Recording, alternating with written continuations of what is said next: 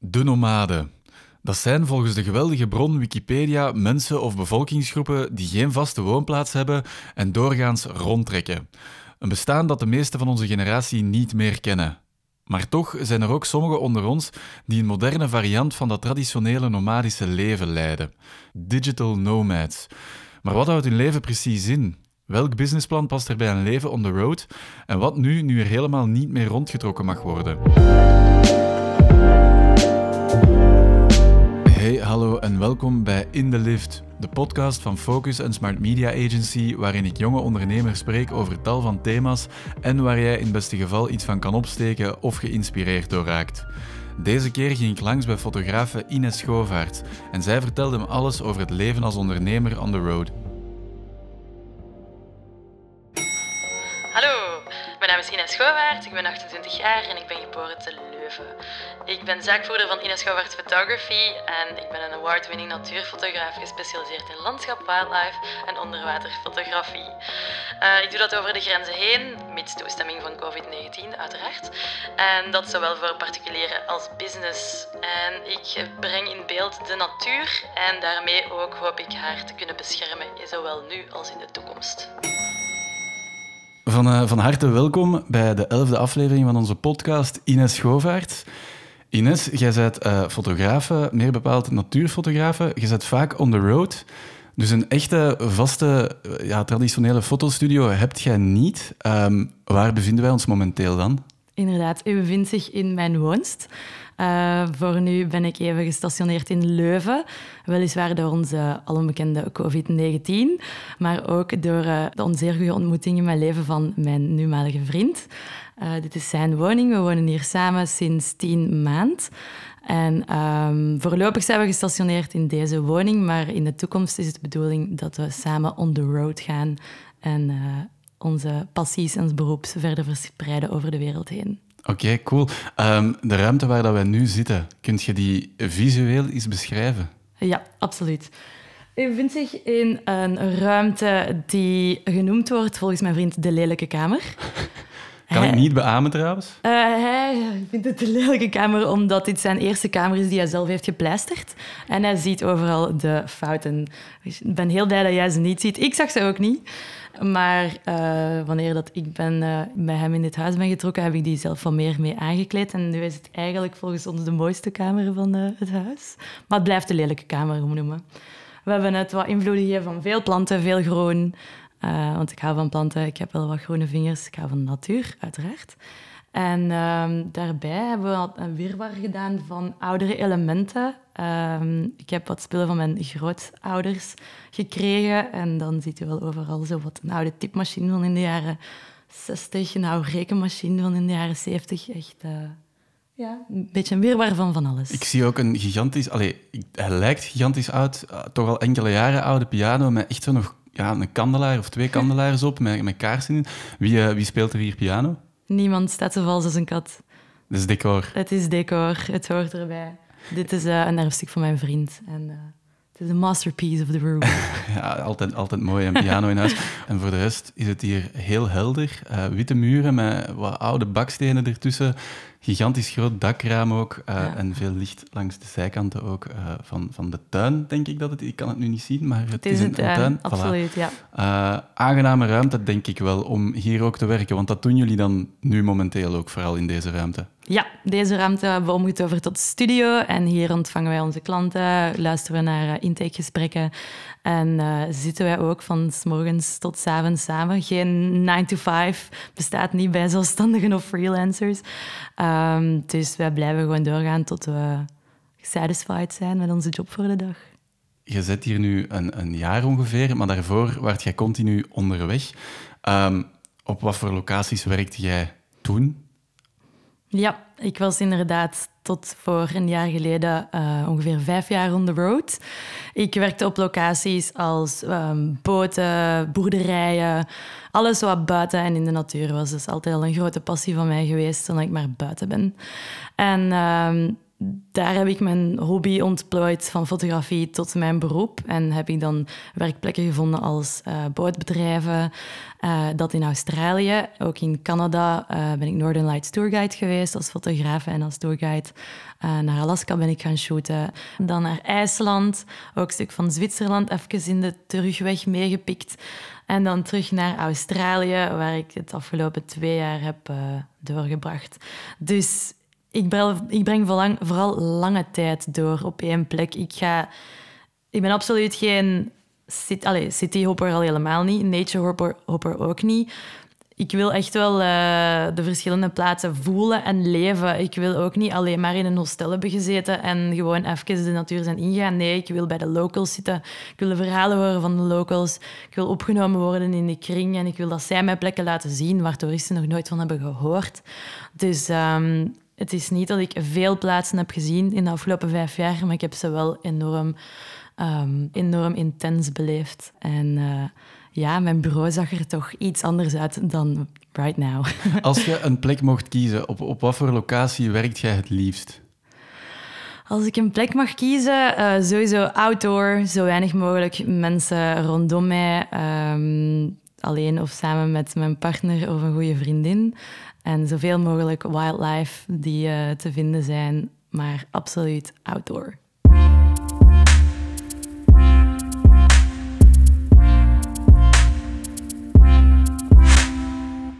Ines, je bent nu fotografe, uh, maar je hebt wel, en ja, eigenlijk nog niet zo heel bijzonder lang geleden, uh, iets anders gestudeerd. Je bent afgestudeerd een jaar of zes geleden, als ik het goed heb, als communicatiewetenschapper. Hè? Correct. Hoe zet je dan in godsnaam terechtgekomen bij fotografie? Ja, heel goede vraag. Uh, fotografie heeft er altijd al in gezeten bij mij. Um, ik weet nog, op mijn 18e verjaardag hebben mijn ouders mij een camera cadeau gekregen, omdat ik zo gefascineerd was door alles wat fotografie te maken heeft. En ik ging toen altijd op stap naar de natuur, in een waterdrupje fotograferen of de sneeuw. En dat zat er van toen al in. En toen moest ik ook inderdaad kiezen welke richting ik ging verder ondernemen. En um, ik weet dat fotografie bij mij al in mijn achterhoofd stak, maar toen, we spreken natuurlijk niet van gigantisch lang geleden, was fotografie in mijn ouders ogen een heel toffe hobby, maar nog niet direct van hmm, diploma, zou je niet beter iets anders doen eerst en dan een, een, een, een avondschool fotografielessen volgen of zoiets. En ik ben toen in die gedachtegang meegegaan, um, gekeken naar wat het aanbod was van de KUL en alles geschrapt wat ik niet wou. En dan bleef er nog één ding over dat ik misschien wel wou en dat was dan uh, communicatiewetenschappen.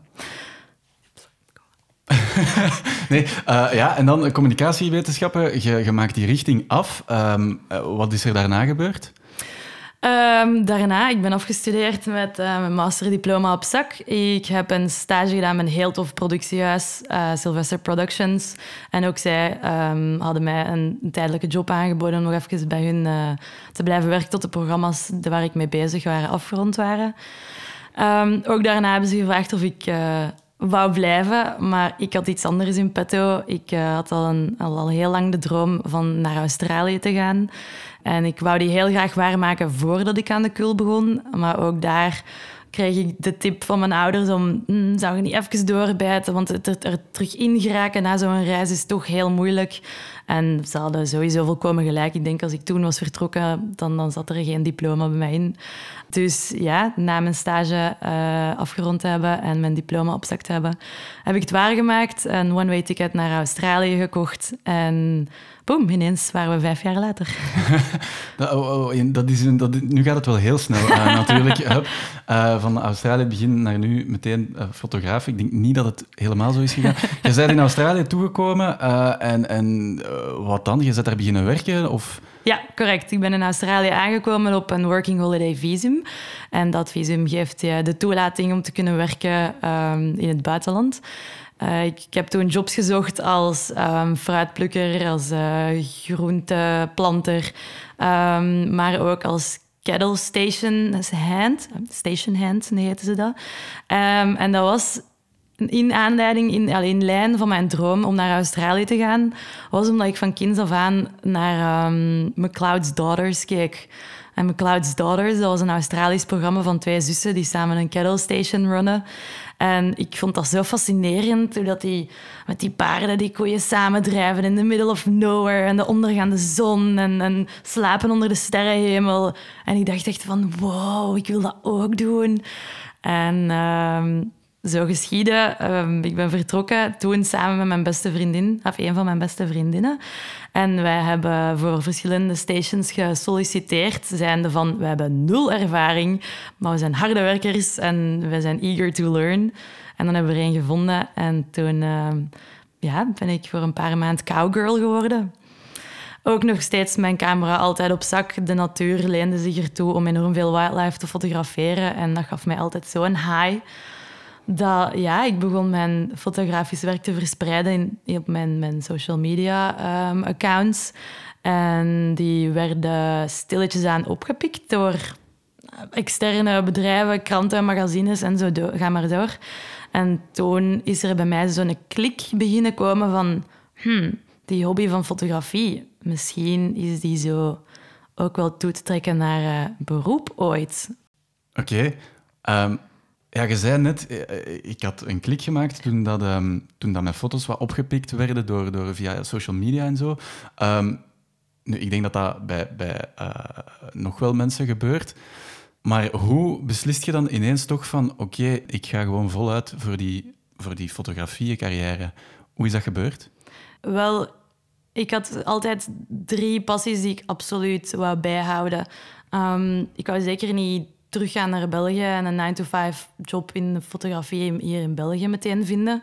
Dus ik wou nog steeds het reizen combineren met de natuur zien en het fotograferen misschien als inkomsten uh, om mijn reis te financieren, wat toen de, de, de best case scenario ging zijn.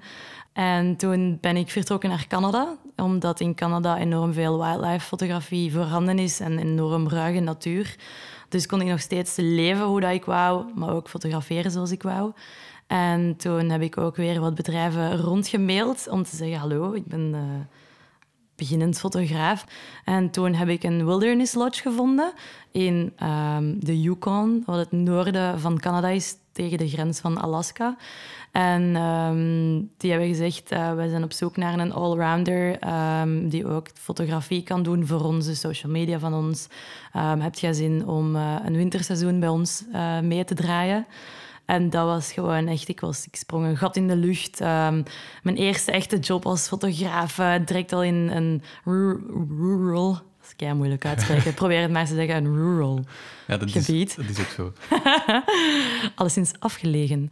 Uh, vertrokken en uh, wat begon met uh, wat ging zijn van een paar weken tot uh, een paar maanden winterseizoen, werd toch al gauw een zeven maand, acht maanden. De lente was al terug voorbij en ik zat er nog steeds. En dat was gewoon ongelooflijk formidabel. Mega neig avontuur op de teller. En mijn eerste echte job als natuurfotograaf, check. En uh, sinds toen had ik dus uh, de smaak te pakken om echt uh, als natuurfotograaf door het leven te gaan voor de rest van mijn leven. Ja, je hebt heel duidelijk van uw, van uw passie uw beroep gemaakt. Um, hoe is dat volgens u gelukt?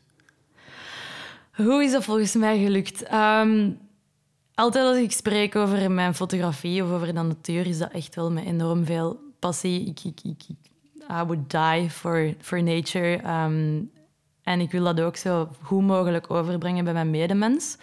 En als ik mijn foto's toon, dan spreekt dat ook al, neemt dat ook wel altijd een verhaal met zich mee. Ik weet dat dat bij heel veel fotografen en fotografie zo is. Maar ik eh, schrijf er dan ook wel een deel content bij, zodat het niet gewoon gaat om de foto, maar ook over iedereen. Ik wil dat iedereen begrijpt wat die foto betekent en wat dat uw gedrag betekent voor dit dier op die foto, voor dat landschap op die foto. En dat heb ik wel van begin af aan het hele verhaal bij het plaatje met zich mee, meegelaten nemen. En um, ik denk dat mensen dat ook wel zo hebben opgepakt, zowel ook bedrijven als magazines en kranten, waar ik nu wel samen mee, nou mee samenwerk. Um, ja, dat als ze mij iets vragen van dit gebied of deze natuur, dat ze weten en 100% ook kunnen vertrouwen dat ik uh, mijn job ga doen en dat, er ook wel, uh, dat ik het tot een goed einde zal brengen. Vind je het belangrijk, omdat ik je zo over vertellen, dat je bij je foto's ook altijd wel wat content schrijft of, of wat context geeft? Ook. Vind je dat um, belangrijk dat fotografen dat doen? die, die, die extra info geven of, of mensen iets proberen bij te brengen Hm. eh, aan de hand van hun foto? Wel, absoluut niet eigenlijk. Ik vind sowieso elke fotograaf doet zijn eigen ding en ehm, volgens zijn eigen waarden en normen. Ehm, dus nee, ik vind niet. Er zijn ook werken meer in de, in, in de kunst dan of de fine art. Die hebben ook altijd een boodschap met zich mee. Maar voor mij als persoon ik ben echt enorm veel bezig met het milieu ook. En daarom dat die twee ook wel nauw verweven zitten. Dus uw fotografie moet niet altijd een, een verhaal vertellen. Maar ik wil wel graag dat mijn fotografie met zich meebrengt dat er gevolgen zijn en dat er veranderingen zijn in acties van, van, van andere mensen hier. En niet elke fotografie moet een verandering van gedrag met zich meebrengen. Het uiten en de, expre- de expressie van de fotograaf zelf tot in zijn werk ehm, is genoeg om, om voldoening voor een, voor een artiest te, te, te, te- met zich mee te brengen. Maar mijn voldoening zal er pas zijn als er ook een gevolg komt aan mijn beeld en aan de boodschap dat ik heb overgebracht. Hoe kan eh, fotografie de, de samenleving verder helpen?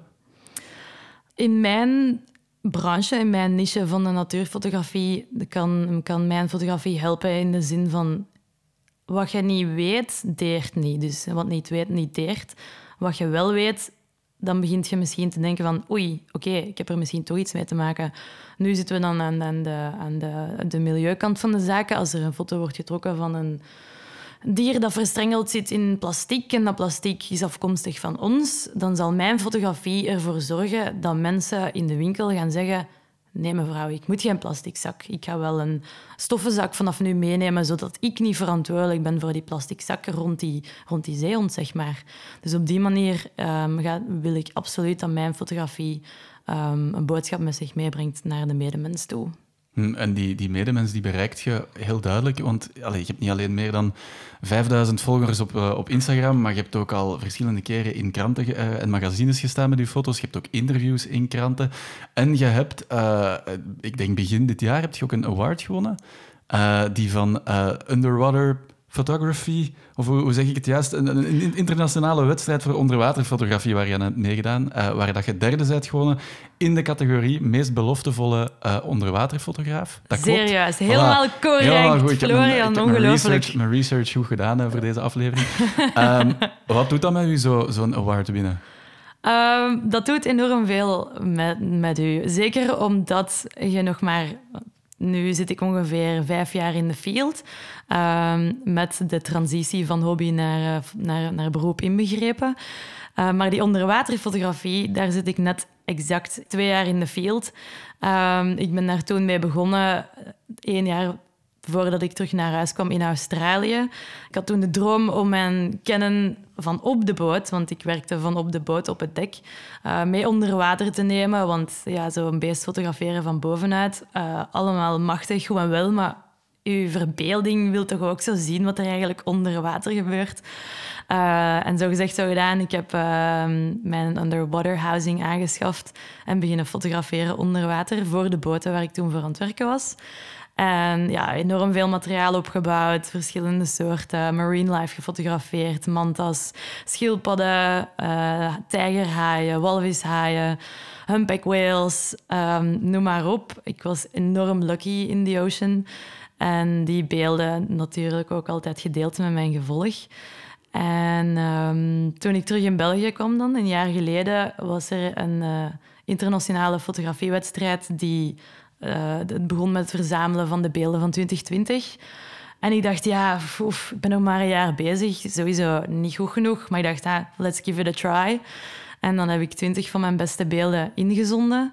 En in, wanneer was? In januari 2020, net het nieuwe jaar begonnen, kreeg ik te horen dat ik ehm, welkom was op de ceremonie van Underwater Photographer 2020. En ik zo, wat bleef no way. En dan uiteindelijk eh, hebben ze mij laten weten, dit beeld hebben wij eh, met brons bekroond. De award voor up and, dus brons Up and Coming Underwater Photographer of the Year 2020. Meest beloftevolle 2020 onderwaterfotograaf. Het grappige is, sinds COVID ben ik niet meer onder water geweest in het buitenland. Maar het was gewoon ongelooflijk om dat mee te maken. Ik ben een jaar bezig en een van mijn beelden wordt bekroond. En ehm, ik mag gaan naar de ceremonie. Ik ben in februari naar Londen afgereisd. En ik stond daar op het podium met mijn award, bronzen medaille voor uh, meest beloftevolle onderwaterfotograaf. En daar stonden mensen van Amerika, van Japan, van Engeland, uh, van overal kwamen ze. En dat waren mensen die ik dus al zes jaar volg of meer op Instagram. Ik volg hun werk, ik zie wat die doen. En ik, toen was ik de kleine vis en ik zei... De kleine vis. Goeie woordkeuze. Um, ooit wil ik staan waar die staan en ooit wil ik doen wat die doen. En ik hoop dat ik ooit zo mooie beelden kan schieten als hen. En nu stond ik daarnaast op het podium en wat dat deed met mij was echt onbeschrijfelijk. Ik kon het zelf niet geloven. Ik was ja, uit een dolle heen. Kunt je de foto waarmee dat je dan gewonnen bent, um, eens beschrijven wat daarop te zien valt? Absoluut. Uh, de foto heet Minky Wave. En Minky Wave is een foto van een Minky Whale. Maar het is een splitshot. En ik weet niet of je bekend bent met het splitshot, maar dat is een... Ja, is het, is het half oceaan, half onderwater? Allee, half boven de oceaan en half eronder, zoiets? Exactly, ja, ja. Een over-under shot. En dat creëer je door je camera lens eigenlijk 50-50, half boven, half onder water te steken. Um, je hebt daar wel een speciale dome lens voor nodig. Dat is een grote, die voor mij is 8 inch, dus ongeveer 20 centimeter groot.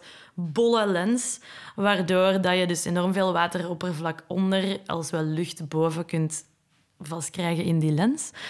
En um, op dat moment, uh, wij waren toen aan het zwemmen met uh, humpback whales, de bultrugwalvissen in Australië. En ik had een groep achter mij. En het lukte ons maar niet om te zwemmen met die walvissen. Die bleven maar weggaan, die bleven weg van ons gaan alsof er iets anders in het water was, whatever. We kregen ze maar niet vast. En uh, ineens houden we een heel hoog piep, sonargeluid. En ik snapte niet waar het vandaan kwam. En ik kijk om mij heen en ineens komt er een pad, heet een pad minky whales, dwergvinvis in het Nederlands, voorbij gezwommen. En wij staan daar allemaal gewoon flabbergasted, want je ziet die misschien twee keer per jaar. Enorm zeldzaam, enorm zeldzaam. Ik had ze nog nooit gezien, niet van boven water, niet van onder water, maar ik was toen een fotograaf on duty. En daar zwemt een pad van vijf minky whales voorbij. En die zijn super schuw. Je kunt die heel moeilijk fotograferen, want die zijn enorm schuw. En vijf minky whales zijn ook direct weg. Poef, kan. Maar de ene die van achter blijft, die, die stopt. Die stopt met zwemmen en die blijft aan het oppervlak van het water hangen voor mij. En ik sta ervoor en het was zo een beetje een choppy ocean die dag. Dus het water is geen spiegel, maar de golven sloegen zo wat over. En ik zie die mink wel voorbij zwemmen en hij kijkt naar mij en ik kijk naar hem. En ik denk gewoon van, deze is echt ongelooflijk. En hij was zo hard tegen het wateroppervlak dat het mogelijk was om op deze moment een splitshot te doen. Dus ik ga mijn camera midden midden half onder water, half boven water. En ik maak een paar kliks, want je weet nooit met zo'n golven waar dat je foto terechtkomt. En uh, erna, ja, een ongelooflijk moment sowieso al, of het nu een goede shot was of niet. Ik was sowieso blij, mijn dag was goed, wat zeg ik, mijn week was goed, mijn, mijn leven was goed. En uh, ja, na de, na de boottocht kijk ik naar het materiaal die gemaakt was die dag. En in een sequentie van tien shots de eerste verschrikkelijk. De whale zit half in de golf. De tweede ehm, was de golf voor de minke whale. Alleszins, 9 out of the 10 shots waren niet goed. Vond ik niet goed, waren niet goed. Maar die ene shot in de middel was gewoon, ja, zoals ze noemen in mijn sector, de money shot. um, toch voor mij alleszins. En um, die heb ik ingezonden en is dan ook bij deze bekroond geworden. Ja, absoluut. Uh, die award winnen, heeft dat een, een, een, grote impact op uw carrière gehad? Uh, heeft het een impact gekregen? Ja, toch wel. Ik heb um, zeker een stijging in mijn, als je dat zo carrière mocht noemen, in mijn Instagram-volgers. In die zin meer gelijkgezinde fotografen, onderwaterfotografen die ik al lang volgde, volgden mij ineens terug. Je begint zo ineens iets te betekenen in die wereld. Um, van als je een award hebt, zal uw credibiliteit die stijgt, zowel bij uw conculega's als uw opdrachtgevers uh, voor in de toekomst. En ook verschillende magazines, kranten die dan ook um, Minky Wave hebben gepubliceerd, um, heeft er ook voor gezorgd dat ik mega veel uh, um, dat ik ook mega veel reactie heb gekregen van zowel lezers als toekomstige opdrachtgevers. En uh, ja, het heeft zeker een, een wave met zich meegebracht. Ja. Oké, cool. Um, je vertelde daarnet ook, die fotografen van die award, dat waren fotografen waar dat je enorm naar opkijkt. Ja. Over, over wie spreken we dan bijvoorbeeld? Kun je zo eens drie, drie namen noemen of zo van mensen waar dat je echt naar opkijkt? Ja, absoluut. Paul Nicklin, groot voorbeeld. Die is echt mega goed. Chris Burkhardt, ook heel lang gevolgd. Ook een prachtige natuurfotograaf. Ook een hele charmante. Ik ken hem niet uiteraard, maar de social media lijkt toch alsof je close friends bent, soms, sometimes. En dan ten derde, oef, een derde, goede vraag. Dat zijn zo met twee grote voorbeelden. Oké, maar stel dat we het bij die twee houden. Wat maakt, wat maakt uh, Paul, Paul... Nicklin. Nicklin, wat maakt hem zo fenomenaal? Ja, ook omdat hij een beetje in hetzelfde schuitje zit als ik. Hij heeft de Sea Legacy opgestart en dat is ook een, een, een, een, een VZ2-organisatie die zich inzet voor vooral de, de, de safety van de oceaan en het verder, het, ja, het verder zetten van, van, de, van, van de veiligheid van alle wildlife dat erin zit en voor alles wat we al hebben kapot gemaakt en de behoud van de natuur, behoud van de koralen. Um, hij is enorm veel bezig met Arctic en Antarctic en wat er daar nu al van menselijke impact op zit. Je zou denken, maar daar woont toch niemand? Nee, maar ons afval ligt daar al en die is daar nu mee bezig en die is allemaal in kaart aan het brengen. En... Um, hoe dat hij vooral zijn fotografiecarrière nu richt op het behoud van de oceanen, van de natuur, um, zorgt er wel voor dat hij een van mijn grootste voorbeelden is. Ja.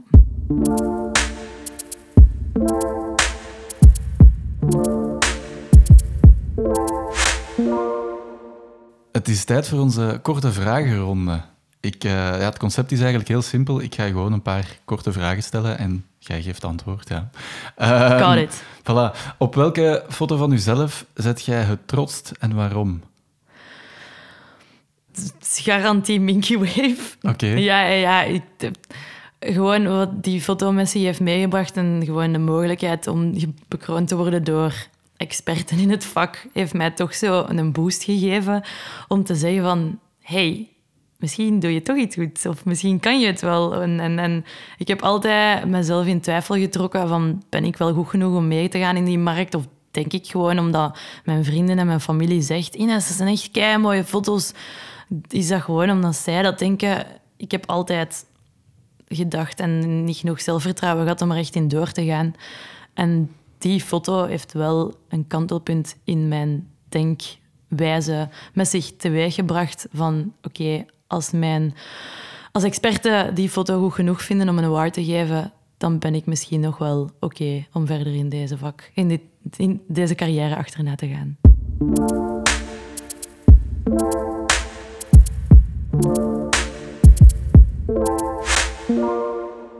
Wat is uh, volgens u de belangrijkste eigenschap die je als natuurfotograaf moet bezitten? Um, absoluut het respect voor de natuur. Ja, fotograaf zijn is één ding, natuurfotograaf zijn is nog een andere ding. Maar je mag nooit de natuur pushen om je shot te krijgen. En dat is een heel groot punt in heel ons gegeven. Um, sommige natuurfotografie zijn gemanipuleerd of zijn niet in het wild getrokken of Um, wordt het dier in kwestie um, belaagd om een beter shot te vinden, waardoor ze verstoord worden. En uh, respect is absoluut nummer één dat de natuurfotograaf moet uh, beheren.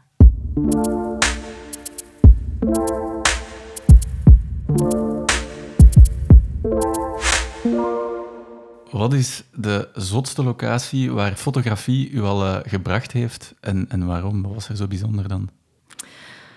Ik zou toch zeggen de Yukon. De Yukon heeft fotografisch gezien echt wel de meeste indruk op mij achtergelaten. Natuurlijk ook de onderwaterfotografie in Australië. Maar ik herinner mij nog een moment in, in, in, Canada dat je gewoon opstaat en daar lopen grizzlies door je tuin. En daar loopt een moes door je tuin. En dat ik daar mocht zijn om foto's te maken voor die lodge, dat, dat, dat is gewoon niet te geloven. En dat kunnen wij ook niet begrijpen hier in België. Want het enige wat wij zien lopen is een eekhoorn. En als je dicht bij het bos woont, uiteraard een ree. En dat is ook al prachtig. Hè? Ehm, maar absoluut, Yukon, Canada, als je opstaat en je doet je ogen open en er loopt een grizzly of een vos of een, uh, of een moes voorbij. Dat is toch even pam in de face.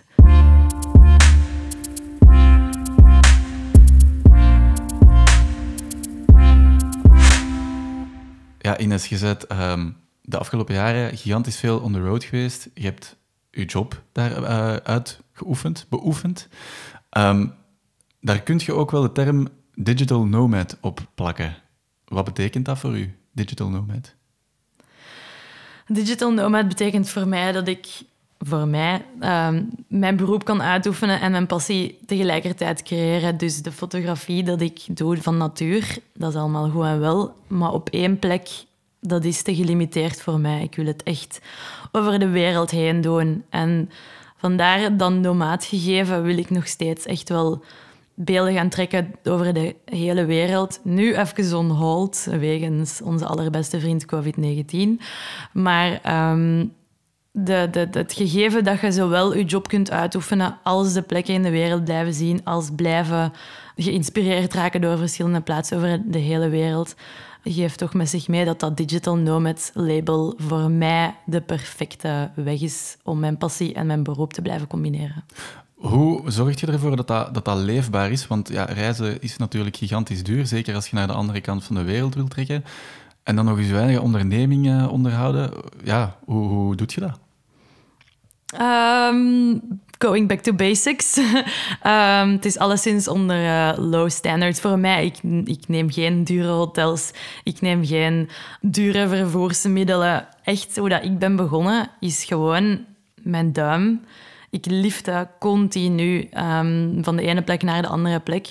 Dus ik, ik, ik, ik, ik geef eigenlijk heel weinig uit op reis. Ik ben een low-budget traveler, low-budget spender. Ik ga geen... Um, weet ik veel, exclusief ontbijt gaan kopen om te ontbijten. Nee, ik eet gewoon mijn granola, mijn cereal, mijn beetje melk. En dat is genoeg en daar ben ik ook gelukkig mee. Net hetzelfde voor mijn overnachtingen. Steek mij niet in een hotel tussen vier muren met chic volk en chic eten. Nee, leg mij op de grond met een slaapzak onder de sterren. Dus op die manier kiest je wel je eigen uitgaven en maakt je het zo duur of zo goedkoop als je het zelf wilt. Had je dan ook een, een soort van ja, businessplan of zo in je, in uw hoofd? Of misschien zelfs echt uitgewerkt? The best plan is no plan. Dat is al heel lang mijn, niet mijn grootste levensmotto, maar ik, ik, ik, ik functioneer enorm slecht volgens een plan. Want dat geeft u tijdsdruk en dat geeft u weinig ruimte op verandering, op, flexibiliteit valt volledig weg. Dus ook businessgewijs heb ik gewoon echt go with the flow gegaan. Ik zie wel, we doen wel. Het is niet dat ik een huis moet afbetalen of een mortgage of uh, whatever. Um, en dat is tot nu toe altijd goed uitgedraaid. Ik heb nooit plannen gehad. En als ik op een plek kwam waar ik een opportunity kreeg, dan greep ik die ook. En dan moest ik niet zeggen, ah nee, sorry, dat gaat niet. Want ik heb daar al iets staan. Of ik moet morgen daar staan. Um, ik geef mezelf enorm veel ruimte om gewoon wat er op mij afkomt aan te nemen. Dus uh, nee, nee, nee, van een vooropgesteld plan was er zeker geen sprake. Is dat misschien ook eigen aan het leven als digital nomad? Misschien. Ik denk dat er sommigen zeker op voorhand weten waar dat ze naartoe gaan en voor welke reden. Maar uh, voor mij absoluut niet. Hm.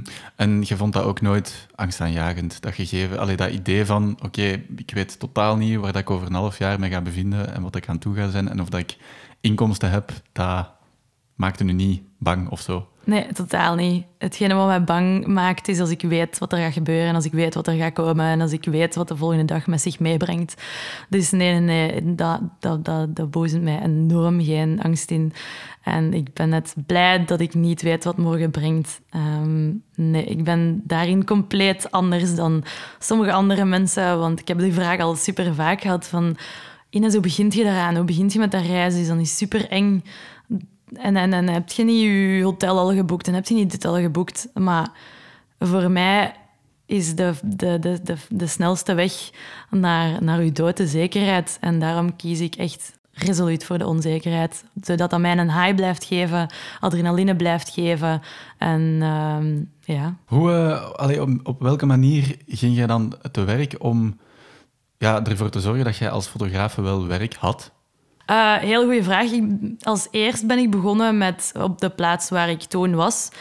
Um, mails te sturen naar bedrijven, naar de plaats dat ik graag naartoe zou willen gaan.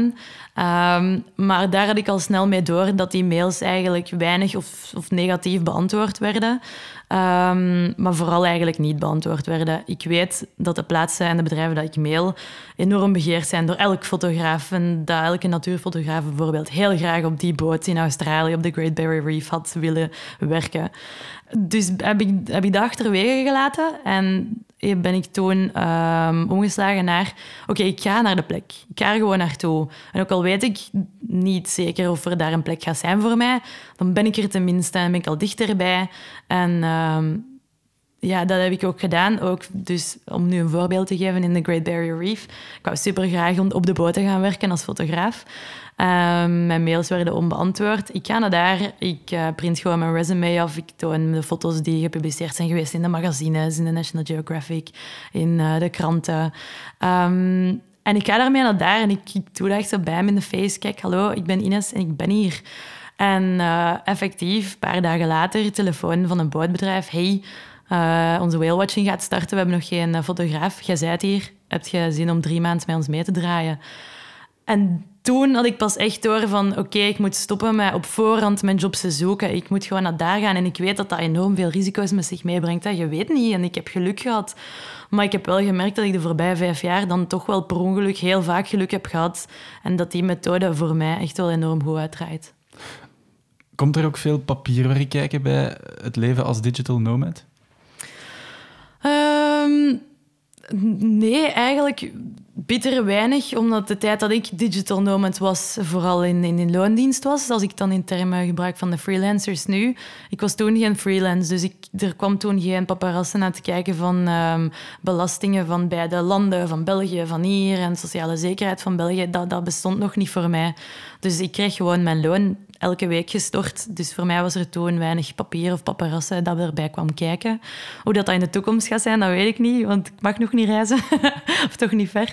Uh, maar dat zien we dan wel. Schrikt u dat dan wel af, al dat papierwerk dat er in de, in de toekomst misschien aankomt?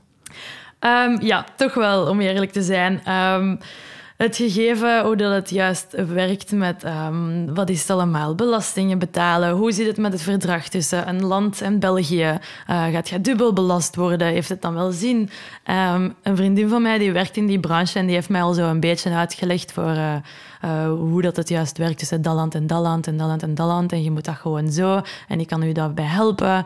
Dat geeft u wel wat zekerheid van oké, ik moet het niet allemaal alleen doen. Want soms denk ik van oh my gosh, wat doe ik? Ik weet nog veel te weinig. Maar dan moet je gewoon weten dat dat je branche niet is. En dat er andere mensen zijn die dat daar wel heel veel van weten. En dan kunnen die mij gelukkig bijstaan. Dus dat um, geeft me toch wel iets meer zekerheid dat het, uh, dat wel zal lukken.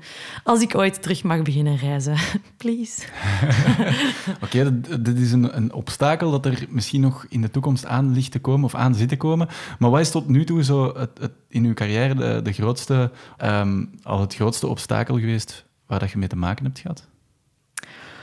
Financiën. Financieel kunnen veroorloven wat dat jij wilt bereiken. Dat is een supergroot obstakel in mijn leven en de fotografie. Want ik wil beter worden en ik wil levelen en ik wil groter worden. Maar dat kost gewoon allemaal enorm veel geld. Want ik wil mega graag aerial photography gaan doen. Maar daar heb je een drone voor nodig. En een drone kost veel geld.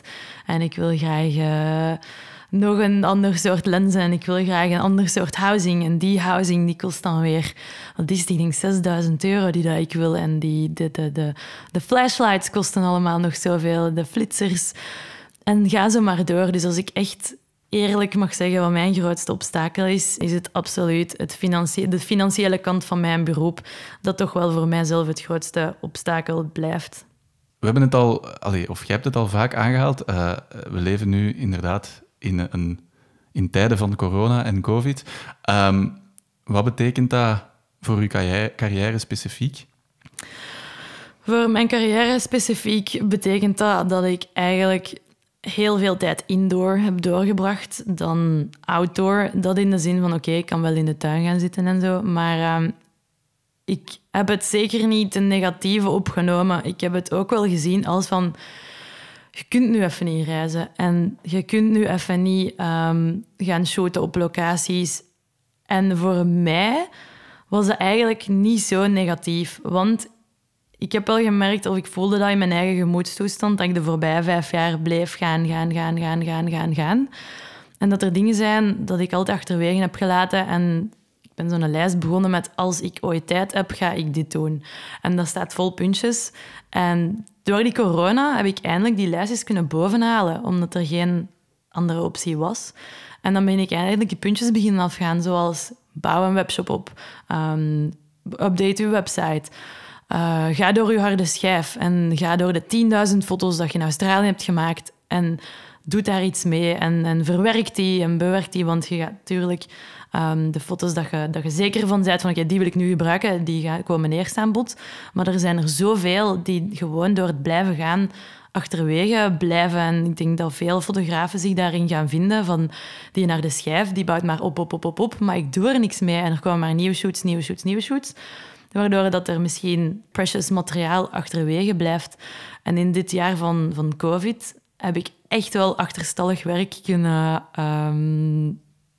Uh, kunnen inhalen? Inhalen, dank u Florian. Ja. Oké, okay, uh, maar ja, uw, uw job, fotografie uh, of, of natuurfotografen, die viel dan ja, plots weg eigenlijk. Ja. Wat heb je dan in de plaats allemaal gedaan?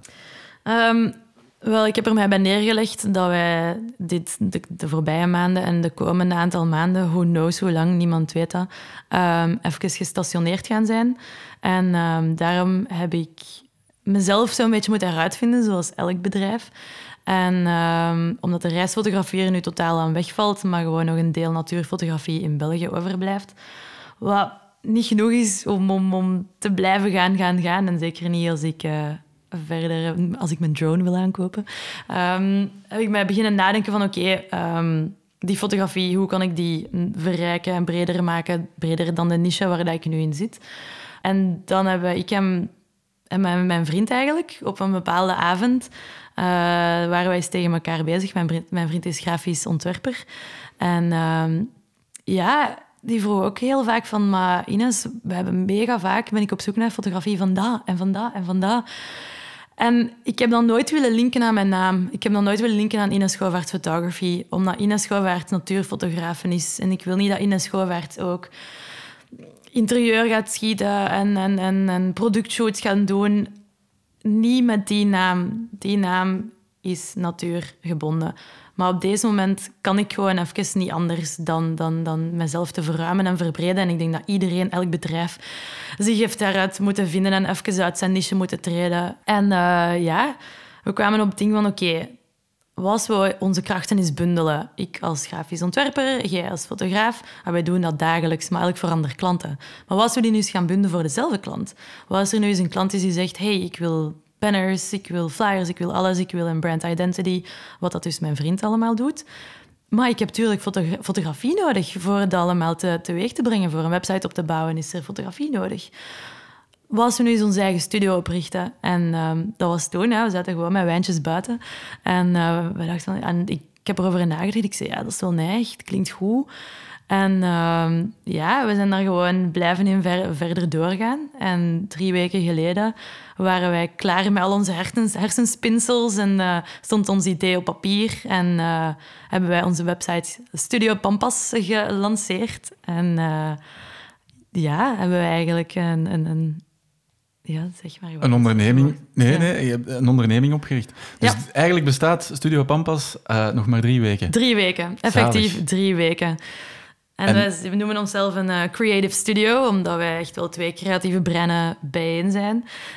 Um, maar de bedoeling is um, om, om in de toekomst een mobile creative studio te zijn. Dus die mobile staan nu nog even tussen haakjes, uiteraard COVID-gewijs.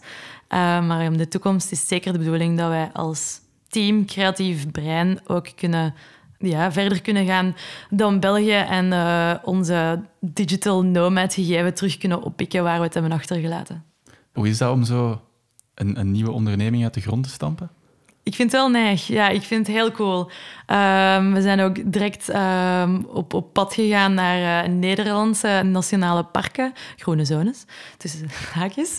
En, en, en, en ja, dat, dat, dat, dat, was gewoon enorm fijn om direct al te voelen van er is veel interesse in zo'n mobiele creatieve studio's. Want ik werd echt gezonden naar uh, verschillende nationale parken in Nederland, naar daar, naar daar, naar daar.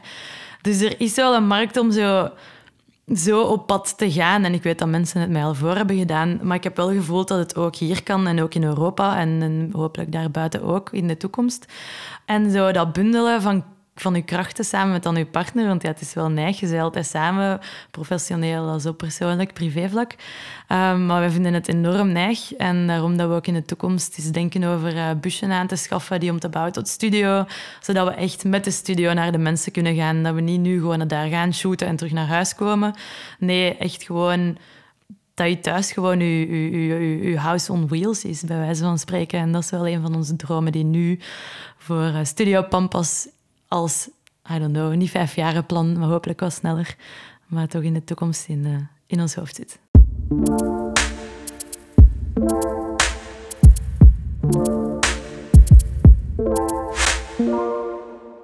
Neemt jij ook veel foto's met je gsm? Ja, absoluut. Ja? Is dat dan uh, voor wanneer je je camera niet bij hebt? Of, of... Nee, absoluut niet. Nee, dat is het, uh, het, het, het Insta-story gebeuren. Dat is vooral... Ik neem dat vooral op met mijn gsm. Maar ik koop wel ook echt alleen maar gsm's die een goede, kwalitatieve, pixelmatige camera hebben. En dat is dan echt vooral om je hoe noemt je het, behind the scenes hm. mee vast te leggen. Dus je hebt wel graag als je beelden schiet of als je op een natuurpark met je kennen aan het schieten bent, dat je een behind the scene hebt. En daar zijn die gsm's dan handig voor, zodat je zowel je toestel als de natuur even in beeld kunt brengen van hey, kijk, dit is wat ik nu zie. Uh, beter dan gewoon de foto's die je met je kennen hebt gemaakt, want dan zie je de foto wel, maar je ziet zo niet behind the scene gebeuren. Daar gebruik ik de gsm voor. Je mocht je gsm er even bij halen. Spannend. Got it. Voilà. En, en het is niet om, uh, om naar uw foto's te kijken, maar het is uh, voor onze volgende rubriek, de tag and tools. Ik zou graag te weten van u komen welke apps op uw gsm dat jij gebruikt, dat jij veel gebruikt om uw leven als fotograaf of nu met Studio Pamp, uh, Pampas. Studio Pampas.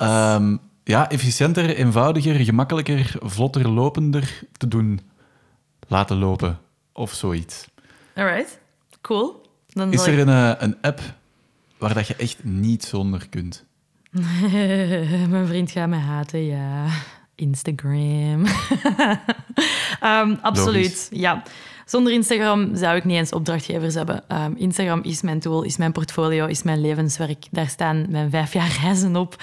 Daar staat alles op. Als dat ooit zou wegvallen, is het gewoon als een soort van fotoboek dat in brand schiet. Ik heb die sowieso allemaal op mijn harde schijven en zo.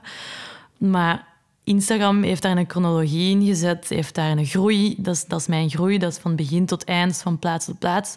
Ehm, ja, zonder Instagram zou mijn beroep als fotograaf absoluut enorm veel moeilijker worden. En ook gewoon als inspiratie. Ook niet voor mij als job, maar ook als inspiratie voor plekken dat ik nog wil zien of wil fotograferen. Of, of zelfs daarvoor is het een, een mega krachtige en powerful tool. Er zitten veel mensen op. En als jij een boodschap wil verspreiden, dan denk ik deze tijd in het jaar 2020 dat Instagram toch één is die bij top of mind voor elke persoon ligt. Hm. Is er ook zo'n app die echt niks met fotografie te maken heeft, uh, maar die je wel helpt bij je carrière als fotograaf? Um, zeer goede vraag. Ja, eigenlijk niet, niet foto fotografie gebonden. Wat vraagt je mij, Florian? Onbestaande. Um, nee. Alles wat ik probeer op te sommen, heeft wel iets als fotografie te maken. Ik heb Unfold. En Unfold is een template voor, uh, voor je foto's, uh, voor je Insta-stories te maken. En dan kunnen ze dus heel handig de foto's dat je net hebt gemaakt op een mooie manier schikken. Maar dat is dus weer fotografisch. Ja, um, Facebook, ongeveer net hetzelfde. Uh, mijn mails is om mijn mails te checken. dus alle apps op je gsm hebben iets te maken met fotografie? Ja, toch? Behalve Park for Night. En Park for Night is een app die je toont waar je gratis kunt parkeren om te overnachten tijdens je reizen. Maar dat is dan ook meestal fotografie gebonden. Dus ehm, ja, naar welk antwoord ben je op zoek, Florian? dat, dat, is, dat is ook een heel goed antwoord, absoluut.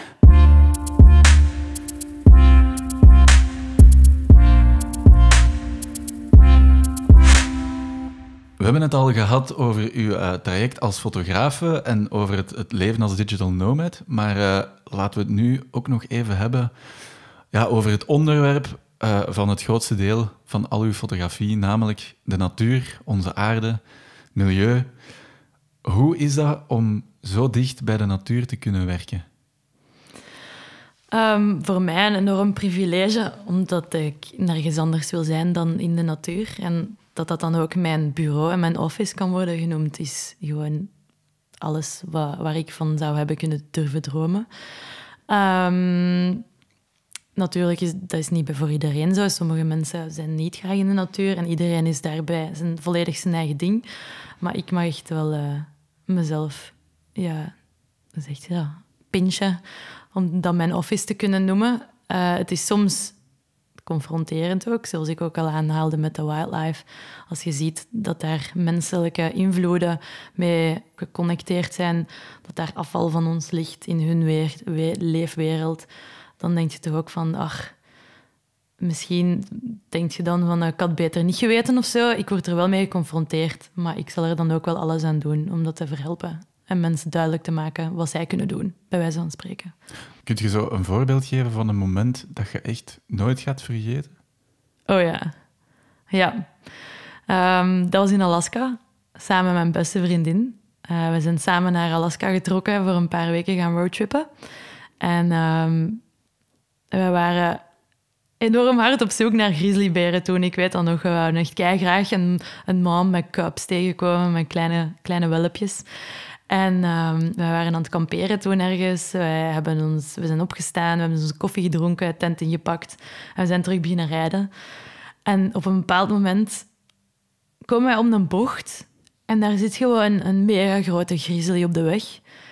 En in de kant komen er twee van die piepkleine welpjes uitgesprongen. En die beginnen voor ons een show op te op te geven. Op de weg beginnen die met elkaar te spelen. Die mama komt daar wat tussen en die zit daar haar eigen ding mee te doen. En toen, ik en mijn vriendin, we keken naar elkaar en we zijn ook zo... We hadden allebei onze camera's bij. Binnen schieten, schieten, schieten, schieten, schieten. En op een bepaald moment moet je echt zo je eigen zeggen... Leg even je camera weg. En geniet. En dan zo, oké, ik zei, nu gaan we stoppen. Oké, we gaan gewoon even genieten. Leg weg. Eén seconde later, oh my gosh, nu doet hij dat. Nee, Dus het is wel echt een beroepsmisvorming dat je zo af en toe moet zo... Oef, leg je camera even weg. Maar je bent dan daarna zo ontzettend blij dat je dat moment hebt meegemaakt en hebt kunnen vastleggen en kunt navertellen. En uh, op dat moment heeft mijn hart toch wel echt even stilgestaan dat ik dat met mijn beste vriendin een van de prachtigste natuurfenomenen ooit heb kunnen meemaken. Heb je ook al het, het omgekeerde is meegemaakt? Dat je bijvoorbeeld um, super eh, hard naar een bepaalde locatie uitkijkt, maar dat die dan keihard teleurstelde? Um, nog niet direct, gewoon in de zin... Oeh, jawel. Ja, wel, het komt terug. Ja, uh, zeker en vast. Lake Louise, Canada. Zegt u dat iets? Ja, ik ben daar ook al geweest. En je bent er ook geweest? Dan weet je zeker wat ik bedoel. Um, ja, ik vond dat zelf ik vond het wel spectaculair, uh, maar teleurstellend in de zin dat er zoveel volk aanwezig is. En, en ja, het hotel dat erbij sta, staat geplaatst, ja, Ver, jammer. Ja, ongelooflijk. Um, ik kende Lake Louise van op tadada, Instagram. En de Instagram-beeld uh, van Lake Louise is een prachtig helder blauw meer met bergen er langs en echt ongelooflijk blauw dat je gewoon, je, je brein kan die kleur gewoon niet aan. Je komt aan en je staat in de file. Wij stonden in de file en daar stonden mensen het verkeer te regelen. En wij waren er natuurlijk op dat moment wel, ik denk dat het in juli was of zo, dus hoogseizoen voor alle reizende mensen van over de hele wereld. Nogmaals, voor covid-periode. Maar uh, wij stonden in de file en wij hebben denk ik twee uur aangeschoven eer dat we ooit aan de parking waren. En toen we aan de parking waren, dat was een parking gigantisch groot, met bussen, met auto's, wat dan ook. En gewandeld naar dat meer. En daar is... Dat is gewoon Disneyland. En dat, dat is een van de plekken dat ik nooit ga vergeten. Dat ik en Xana naar elkaar keken en wij zo... What the fuck is this? Zo'n pristine nature fenomeen dat totaal niet pristine is. En dat, die plek is nog steeds prachtig. Maar van als daar honderdduizend mensen zijn, verliest een beetje zijn waarde. En niet zijn waarde, maar het verliest zijn magie. Ik zal het zo zeggen. Als je ergens op een plek bent die misschien minder mooi is dan Lake Louise, maar daar is niemand, alleen jij of een paar anderen, daar zit magie in. En bij die plek was de magie even ver te zoeken. Ja, snap ik. Um, Ines, hoe kijkt jij naar de toekomst van onze aarde? Goh, Florian, daar heb ik de laatste week enorm veel mee bezig geweest. Ehm, ik weet niet of je het weet, maar voorbij weekend was het uh, World Cleanup Day. En daar is veel om te doen geweest. En ik ben ambassadeur van River Cleanup uh, voor Leuven. En ehm, ik heb meegewerkt aan het event dat we op poten gezet om zoveel mogelijk vrijwilligers samen te krijgen om onze waterlopen um, te gaan opkuisen, omdat het zo verschrikkelijk erg is de documentaires dat je ziet van de plastic in de oceaan en, en van wat dat wij, welke hoeveel doden, moorden van wildlife wij op ons geweten hebben door magen vol plastic, um, door suffocation, het verstikken door uh, plastic zakken of zo, die, die, die plastic ringen waar dat je blikjes in vasthangen. In, bij ons is dat nu wel niet meer. Ik weet dat er vooruitgang is, ik weet dat we verder gaan, maar het gaat allemaal veel te traag.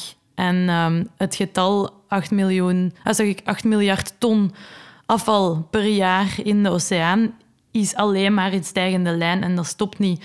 Want de tijd dat jij, zoals wij nu uh, vijf, we hebben een halve ton kilogram, oh, we zeggen een halve ton afval hebben wij uit de vaart en uit de dijlen gehaald deze weekend. Tijdens dat dat wordt gedaan, is er alweer honderd keer meer plastic geproduceerd op het moment dat wij dat eruit aan het halen zijn. Dus het is gewoon een never-ending story en het blijft een visieuze cirkel. Telkens als wij het er gaan uithalen, zal het er wel in gelopen. Maar wij zorgen er wel voor dat er iets minder, uit de, uh, dat er iets minder afval in de oceaan terechtkomt en dat er misschien toch die ene turtle gesaved is van die plastic zak dat wij er hebben uitgehaald. Je weet het niet, maar je doet alleszins wat je kunt. En allemaal druppels samen kunnen één vloedgolf veroorzaken. Dus als we allemaal samen sterk staan, dan kunnen we ooit wel ergens geraken. Maar het is vooral het bewustzijn creëren. En ik zie de toekomst van de planeet op deze moment zeker niet goed in. Zeker niet rooskleurig. Niet voor de, de, de luchtvervuiling als voor het, het, het, het uh, ruïneren van habitats van bepaalde soorten en de vervuiling van de oceaan. Ik zie het nu even allemaal niet rooskleurig in, maar ik wil er wel alles aan doen om zoveel mogelijk mensen te laten zien dat je er kunt bij helpen. Ook al is het maar het kleinste beetje. Als er één persoon stopt met plastic flessen te kopen, dan gaan een tweede dat ook doen, want je, je vertelt dat voor en je laat dat zien en je geeft het goede voorbeeld. En ooit gaan dan hopelijk de producenten wel inzien als we zo blijven doorgaan, ja, dan hebben we geen markt, want de mensen beginnen het in te zien en slimmer te worden. En op die manier ga ik zeker blijven doordoen wat ik nu aan het doen ben, zodat ooit de oorzaak kan aangepakt worden en niet het gevolg. Is plastic uh, de grootste bedreiging op dit moment voor de, voor de natuur, volgens u? Eén van. Eén van, ik zou zeker niet zeggen de grootste. De, de boskap, de, de bosbranden, de opwarming van de aarde, de vervuiling van de lucht. Het, ze zijn het zijn allemaal stuk voor stuk problemen en die zijn niet op een eerste of een tweede of een derde plaats te zitten. Het zijn zoveel te samen en die te samen zorgen ervoor dat we echt gewoon onze eigen planeet aan het kapotmaken zijn. En het is, wij leven op die planeet en voor mij doet het gewoon pijn om te zien dat wij de species zijn die dat veroorzaken en geen enkele andere species. Alleen wij. Dus dat maakt, ja, soms snap ik dat gewoon niet voor mijn eigen, dat wij zoveel kapot kunnen maken en dat ook blijven doen en het zelfs niet willen inzien dat binnen 50 jaar de koralen zijn afgestorven en binnen zoveel jaar er geen bomen meer staan. Hallo, wij moeten ademen, hallo. We hebben fotosynthese nodig. Waarom zien niet genoeg mensen dat in? Wat kunnen we, of wat moeten we misschien doen om, om ervoor te zorgen dat dat wel verandert? Um, er is heel veel dat je kunt veranderen aan je eigen levensstijl. Maar ik zeg altijd, niet iedereen moet alles doen. Want je kunt blijven doorgaan van, ah, oké, je doet wel dat, maar je doet niet dat. Dus ja, nee, nee, nee, nee, dat is het niet. Als iedereen één ding doet of een beetje gewoon wat waar dat hij wil in meewerken doet, dat is al heel veel. Als er één persoon beslist om nog maar één keer per week vlees te eten in plaats van zeven, dan is dat al veel. En als honderd mensen dat beslissen, dan is dat al ook veel. Maar dat wil niet zeggen dat de mensen die vlees niet willen laten, niet iets anders kunnen doen. Die kunnen ook nee zeggen tegen een plastic zak in de winkel. Als jij je vlees niet wilt laten, allemaal goed voor mij. Maar dan kun je wel tenminste nee zeggen tegen je, plastieke zak in de winkel. Um, je kunt ervoor zorgen dat je een hervulbare drinkfles koopt. Dank u, Florian. Echt, ik vond het om je zo te zien aankomen. Want dat saved al enorm veel bottles per, per, per jaar, per, per dag, zoveel. En jij bent maar één persoon, maar als iedereen dat doet, dan zijn wij al een enorm stuk verder. Dus iedereen draagt zijn steentje bij dat hij kan en hij zelf wil. Kunt je zo in, in, de, in de rapte uh, een paar dingen opzommen die we allemaal kunnen doen? We hebben al uh, plastieke zak, nee zeggen. We hebben al hervulbare drinkfles. Wat zijn nog zo een paar dingen? Um, geen single-use plastic. Nu, super moeilijk. I know, covid-tijden. Niks mag herbruikt worden. Alles moet weggesmeten worden. Verschrikkelijk. Maar dan, als we het echt moeten zeggen, mondmaskers. Gebruik niet de wegwerpmondmaskers. Alsjeblieft, alsjeblieft, alsjeblieft. Gebruik de reusable ones en smijt die in de was en gebruik die opnieuw. Want het is ongelooflijk hoeveel uh, mondmaskers dat wij deze weekend hebben gevonden in, uh, in de vaart en in de deilen. Het is echt gewoon degoutant om te zeggen. Handschoenen hetzelfde, die plastic handschoenen. Alsjeblieft, gebruik dan stoffen handschoenen dat je kunt wassen. Dat is dan COVID-gericht. Um, wat kun je nog doen? Kunt naar de winkel gaan en je kunt ervoor kiezen om alternatieven te, te, te, te kiezen. Dus uh, wilt jij je wortels? Kijk dan of er wortels zijn die los liggen. En ik weet ook, COVID-gewijs, dat mensen dat nu... Het is echt ongelooflijk. Ik heb zoveel tips meegegeven en nu al die tips vallen gewoon even af in deze pandemietijden. Want natuurlijk wilt je dat je wortels in een plastic zak komen, zodat niemand die heeft aangeraakt. Maar je kunt ze altijd wassen en schillen. En um, alleszins, als we er ooit voorbij zijn, fruit dat los ligt. Koop geen fruit dat verpakt is in plastic. Uh, zo, kies voor andere oplossingen. En als de winkels gaan zien dat jij alleen nog maar de losse groenten koopt en dat die groenten die verpakt zijn in plastic blijven liggen, dan gaan die producenten ook zeggen aan hun uh, leveranciers, mannetjes, we willen ze zo niet meer, we willen ze los. En zo creëert je een kettingreactie door uw gedrag te veranderen in de winkel. Um, door eindelijk, uh, zodat de leverancier het ook zal te weten komen. Dus ja, je staat, kies uw opties wel in de winkel. Plasticloos, verpakkingloos, um, zeker als het niet nodig is. Uh, shampoo en uh, douchegel kun je allemaal in shampoo bars kopen en zonder dozen, zonder verpakking. Um, uw tandenborstel kan ook van bamboe gemaakt worden. En, niet van, en nu lijkt dat super hippie, maar alleszins, het is niet plastic en het vergaat en het is milieubewust. Bewust. Koop geen wegwerp plastieke borden. Um, don't be lazy, zeg ik dan gewoon altijd. Want het is inderdaad gemakkelijk om een tuinfeest te geven en alles wegwerp te leggen. Don't be lazy, kuis het gewoon af. Zorg dat de afvalhoop verkleint. Denk gewoon altijd, hoe ga ik de afvalhoop verkleinen? En maak gewoon je keuzes bewust. Stel dat deze pandemie ooit weg is, ooit uh, dat we terug kunnen naar hoe dat het vroeger was, als dat ooit gaat gaan, maar pak dat we terug kunnen reizen. Yep. Waar zou jij graag nog naartoe gaan voor uw fotografiecarrière? Als ik één plek kan kiezen waar ik echt absoluut, absoluut, absoluut naartoe wil gaan, en dat is eigenlijk grappig, zelfs mogelijk op deze moment. Um, mijn, volgend, uh, mijn volgende droom die ik wil waarmaken is de onderwaterfotografie doen van de, het, orka-seizoen. En uh, het orka-seizoen is in Noorwegen en dat begint in oktober en eindigt in januari. Maar ook dat seizoen is dit jaar niet zeker. Ik ben al in contact geweest met bedrijven daar ook voor nu. Maar het is niet zeker dat ze van de overheid mogen runnen deze jaar. Dus ik heb dat plan al van mij afgezet. Um, we zijn dan Studio Pampas begonnen, klanten dan verkrijgen. Dus dat zal misschien voor 2021 zijn of 2022, I don't know. Zullen we COVID gaan zien.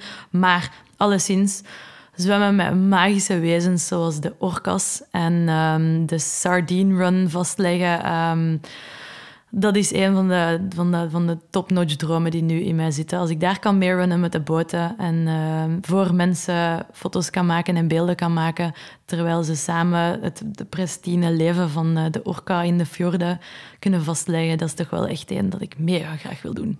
En als je nu gewoon zou mogen kiezen, ik ga op vakantie, ik laat mijn camera thuis, verschilt die locatie dan? Of uh, is dat ook gewoon het noorden, de fjorden? Oh, dat is nog zo'n gegeven. Hè? Ik kan dus mijn camera niet thuis laten.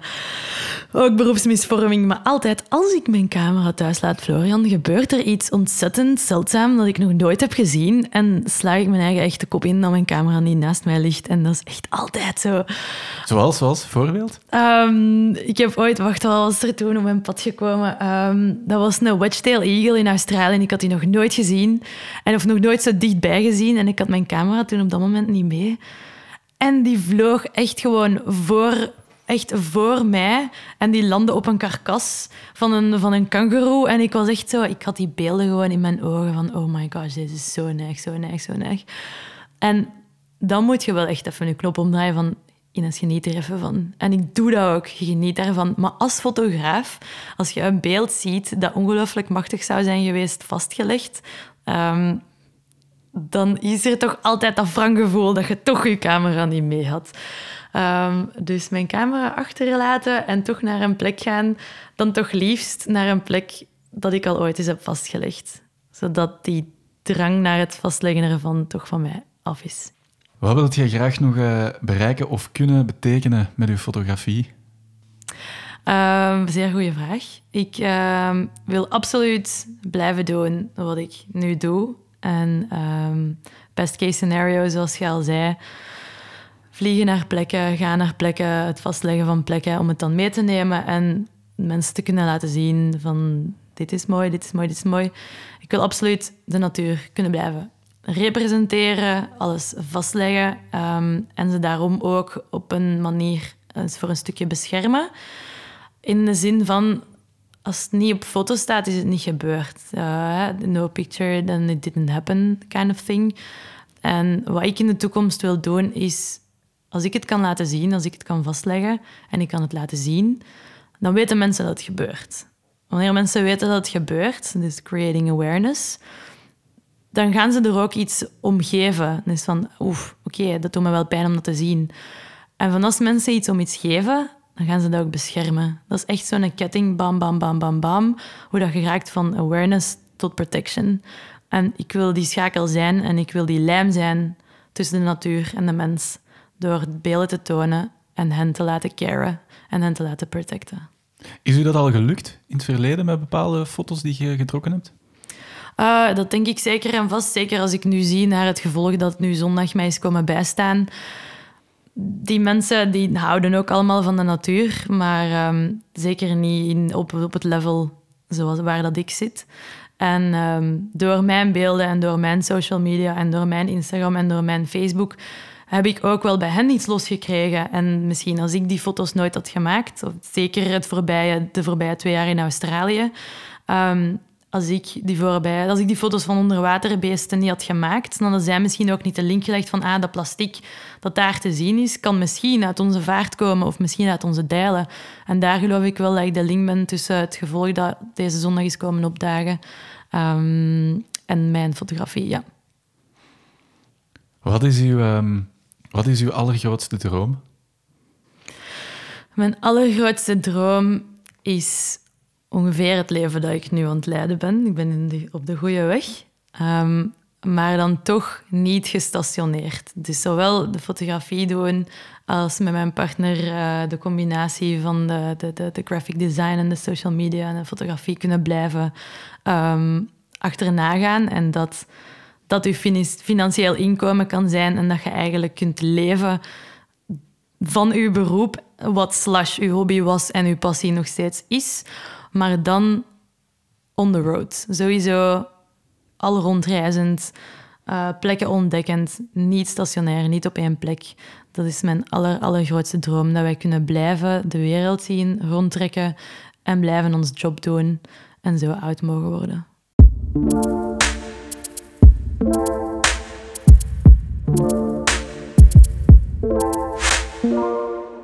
Ines, het is tijd om erachter te komen um ja, welke quote, anekdote of advies jij al heel je leven met u meedraagt. Ehm, is het gelukt om er te vinden? Ja, absoluut. Ik wist direct welke quote ik ging gebruiken. En wat is het geworden?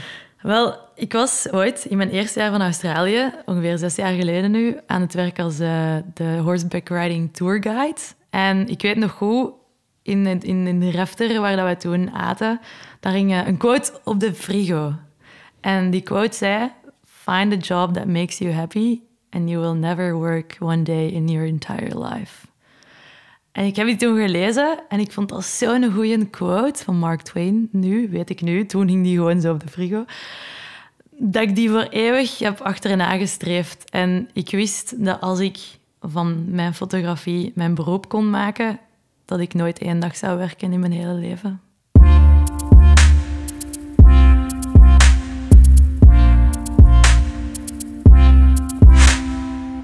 Zijn bijna gekomen aan het einde van de, van de aflevering, jammer genoeg. Ehm, maar eerst is er nog de startersketting, waarbij dat, eh, elke gast een vraag te horen krijgt van de vorige gast. En het ook de bedoeling is dat jij dan een vraag stelt aan de, de volgende gast. Oké. Ik zat de vorige keer bij eh, Jonathan Stuyven van Antwerp, powered by Creatives. En eh, hij heeft de volgende vraag voor u. Oké, spannend. Ik wil weten of dat die persoon zich wel genoeg laat verwonderen. Dat is wel echt een hele goede vraag voor mij.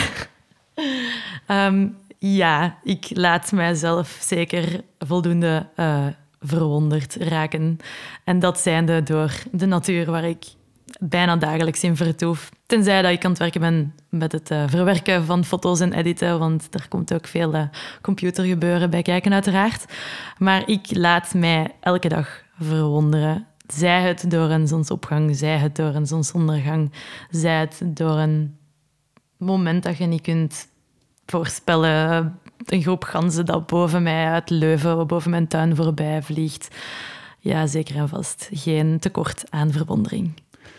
Dan is, het, eh, dan is het nu aan u. Wat wilt jij heel graag te weten komen van onze volgende gast? Ja, wel, het is eh, een, een, een vraag waar dat ik zelf vaak, vaak mee kamp. En daarom wou ik vragen aan de volgende gast. Als freelance of als, als, als, als, als ondernemer, zijt je heel vaak bezig met je zaak. Je, brein is continu bezig met wat kan ik nu doen, wat kan ik straks doen, wat kan ik morgen doen, ehm, welke nieuwe ideeën kan ik implementeren, whatever. Ik sta daarmee op en ik ga daarmee slapen. En ik vraag mij soms af hoe dat je soms die sneltrein in je hoofd afzet. Dus ik vraag me af eh, hoe dat de persoon die deze vraag zal krijgen, af en toe die gedachtenstroom kan stopzetten. Ik ga uw vraag zeker meegeven. Ines, eh, dikke merci voor dit gesprek en eh, ja, dat je maar snel terug on the road kunt gaan. Dank u wel, Florian. Het was absoluut heel aangenaam. Ines Schovaert. Bedankt om te luisteren naar deze elfde aflevering van onze podcast. En als je echt niets wil missen, abonneer je dan even of volg ons op Instagram. Je mag ons ook altijd contacteren via podcast.focus-online.be en focus dat schrijf je trouwens met een K. En maak gerust ook reclame bij iedereen die je kent. Merci en tot de volgende keer.